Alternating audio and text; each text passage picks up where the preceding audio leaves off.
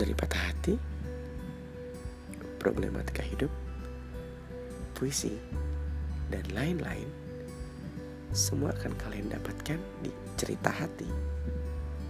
Yang di mana setiap harinya kita akan mendengarkan puisi, problematika hidup dari narasumber, cerita kehidupan, dan sebagainya untuk mendapatkan solusi terbaik dan mampu menemani hari-hari kalian